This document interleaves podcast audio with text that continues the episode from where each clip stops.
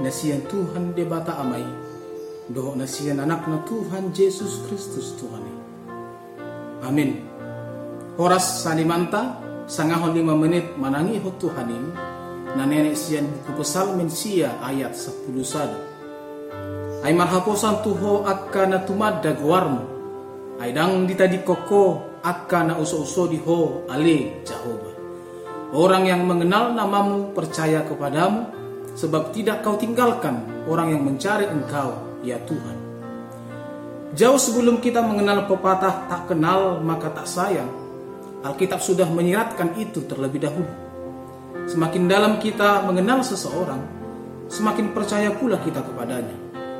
Demikian halnya dalam hubungan kita dengan Tuhan. Sejauh mana kita mengenal Tuhan akan sangat menentukan seberapa besar kepercayaan kita kepadanya. Semakin kita mengenal Allah, maka semakin kita mempercayakan diri kepadanya. Mengenal dan percaya adalah dua hal yang tak terpisahkan. Kita tidak cukup hanya mengenal tanpa percaya. Demikian sebaliknya, kita tidak cukup hanya percaya tanpa mengenal. Pertanyaannya, bagaimana kita bisa percaya Tuhan? Kenal saja pun tidak. Seringkali oleh karena pergumulan yang kita hadapi, bukan malah percaya kepada Tuhan, Justru kita lebih mudah takut, khawatir, dan menyerah atas pergumulan itu. Masalah menjadi tampak jauh lebih besar dibandingkan kuasa yang dimiliki oleh Tuhan. Kalau kita benar-benar mengenal Tuhan, maka kepercayaan itu tidak akan pernah berkurang dan hilang, bahkan meskipun tantangan dan cobaan menerpa kehidupan ini. Kondisi apa pun yang kita alami tidak akan menggoyahkan iman percaya kita. Apakah pengenalanmu sudah benar? Jangan-jangan juga masih keliru. Hubungan yang telah dibangun bisa jadi rusak karena jauh sebelum tidak ada pengenalan yang baik. Kita sering mengeluh, jangan-jangan karena kita tidak mengenal dengan baik siapa Tuhan itu. Jangan sampai nanti kita kecewa karena kita tidak benar-benar mengenal siapa Tuhan itu. Maka mengenallah dengan baik. Kita mengenal Tuhan lewat firman-Nya melalui pengalaman kita bersama dengannya, melalui karya dan perbuatannya. Semakin sering membaca dan menggumuli firman Tuhan, maka kita akan semakin mengenal siapa Tuhan itu. Ternyata tidak cukup hanya mengenal dan percaya, kita juga harus mencari Tuhan. Banyak orang yang kenal dan percaya Tuhan. Iblis juga demikian, namun mereka tidak mencarinya. Untuk kenal, kita harus cari Dia dan kalau sudah kenal, kita akan selalu cari dia.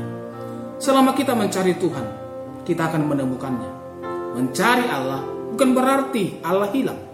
Tuhan tidak pernah pergi ke mana pun. Dia tidak pernah meninggalkanmu. Mungkin engkau yang tidak mencari. Mungkin engkau yang meninggalkannya.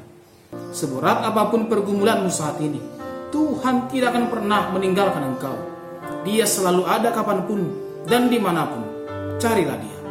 Setiap orang yang mengenal, percaya, dan mencari Tuhan, Tuhan tidak akan meninggalkannya. Mencari artinya bahwa kita membutuhkan dan bergantung kepadanya. Amos 5 ayat 4 berkata, Carilah aku, maka kamu akan hidup. Di dalam menjalani kehidupan ini, carilah Tuhan, maka kamu akan hidup. Selamat mengenal dan mencari pribadi Allah lebih dalam lagi, sehingga iman percayamu semakin teguh menghadapi kehidupan ini. Amin. Martangi yang mahita. Mauliati madiho ale di bata Jehovah. Nunga di patugu hatam hami. Nalama dalani ari-ari ningulu nami. Lam manada ho mahami. Jalalam hulului ho mahami. Jalalam huwa persyai ho mahami. Diganuk pardalana ningulu nami. Ala posdor hanamile Tuhan. Dia kana tumandaho jalan nama kaporsyai ho dang tadi kono muhami nilala mangadu biar kana masa di gulu nami atau sah tuho mangulu nami asimi rohani Tuhan Yesus Kristus. Holong ni rohani di bata ama. Dohot persaoran itu di ma. Nama dongani hamu salut amin